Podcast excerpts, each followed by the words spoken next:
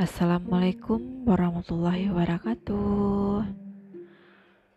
Pada malam hari ini, Baraguma akan bercerita mengenai pengalaman saya mengikuti tes rapid antigen yang diadakan oleh puskesmas tempat saya bekerja.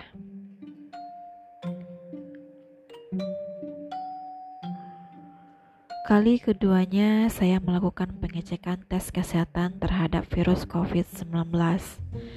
Ini merupakan salah satu syarat untuk diadakannya pembelajaran tatap muka di dunia pendidikan. Waktu itu, sebagian besar pemerintah telah membolehkan sekolah atau madrasah untuk melaksanakan pembelajaran tatap muka dengan syarat daerah zona hijau, guru dites kesehatannya terlebih dahulu dan sanggup mematuhi protokol kesehatan. Tes pertama saya. Tes swab adalah tes kesehatan pertama yang saya jalani saat pandemi COVID-19. Waktu itu penyebaran COVID-19 sedang lagi marak-maraknya terjadi di pertengahan bulan September 2019. Setelah menunggu hasilnya keluar, barulah sekolah atau madrasah bisa melaksanakan pembelajaran tatap muka dengan mematuhi protokol kesehatan.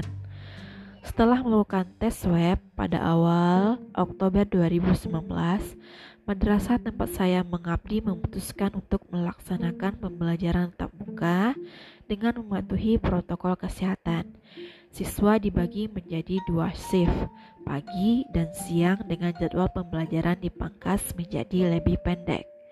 Tidak ada diberikan waktu untuk istirahat guna meminimalisir penyebaran virus ini. Oleh karena itu, siswa membawa bekal dari rumah.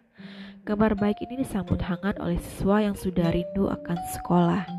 Bagaimana tidak, pembelajaran daring yang dilaksanakan pada Maret 2019 sampai akhir Agustus 2019. Lebih kurang enam bulan lamanya mereka belajar di rumah secara daring. Berbagai permasalahan pun terjadi dan kami dari pihak madrasah bersama orang tua siswa mencarikan solusi terbaik tentang pembelajaran daring tersebut. Siswa yang masuk ke lingkungan madrasah diwajibkan memakai masker, cuci tangan terlebih dahulu, setelah itu dicek suhunya oleh petugas pengecek suhu. Kemudian siswa diperbolehkan memasuki madrasah. Jika suhu siswa melebihi 36 derajat Celcius, diberikan izin untuk istirahat pulang ke rumah. Begitulah pembelajaran tatap muka pertama yang saya jalani hingga akhir semester ganjil kemarin. Memasuki awal tahun 2021, sesuai instruksi pemerintah, menyikapi bencana yang melanda negeri ini, diadakan lagi tes untuk mendeteksi virus COVID-19. Tes kedua yang saya jalani ini bernama rapid test antigen. Apa itu rapid test antigen? Berdasarkan bincang-bincang saya dengan salah seorang pegawai kesehatan, beliau mengatakan bahwa rapid test antigen disebut juga dengan tes swab antigen. Tes ini dinilai lebih akurat dibandingkan tes antibodi karena dapat mengidentifikasi virus dalam sekresi hidung dan tenggorokan. Rapid test antigen lebih banyak dicari karena dipakai sebagai syarat perjalanan. Jenis tes ini menggunakan sampel lendir pernapasan yang diambil dengan teknik swab. Selain itu, kelebihan rapid test antigen ini diketahui lebih cepat, hanya butuh waktu 15 menit saja dengan pembacaan hasil positif dan negatif. Kapan dilaksanakan tes rapid antigen? Pada hari Sabtu 16 Januari 2021, saya beserta keluarga besar MTSN Seraya melakukan tes mendeteksi COVID-19 untuk yang kedua kalinya. Kali ini tes dilakukan di Puskesmas Kota Baru.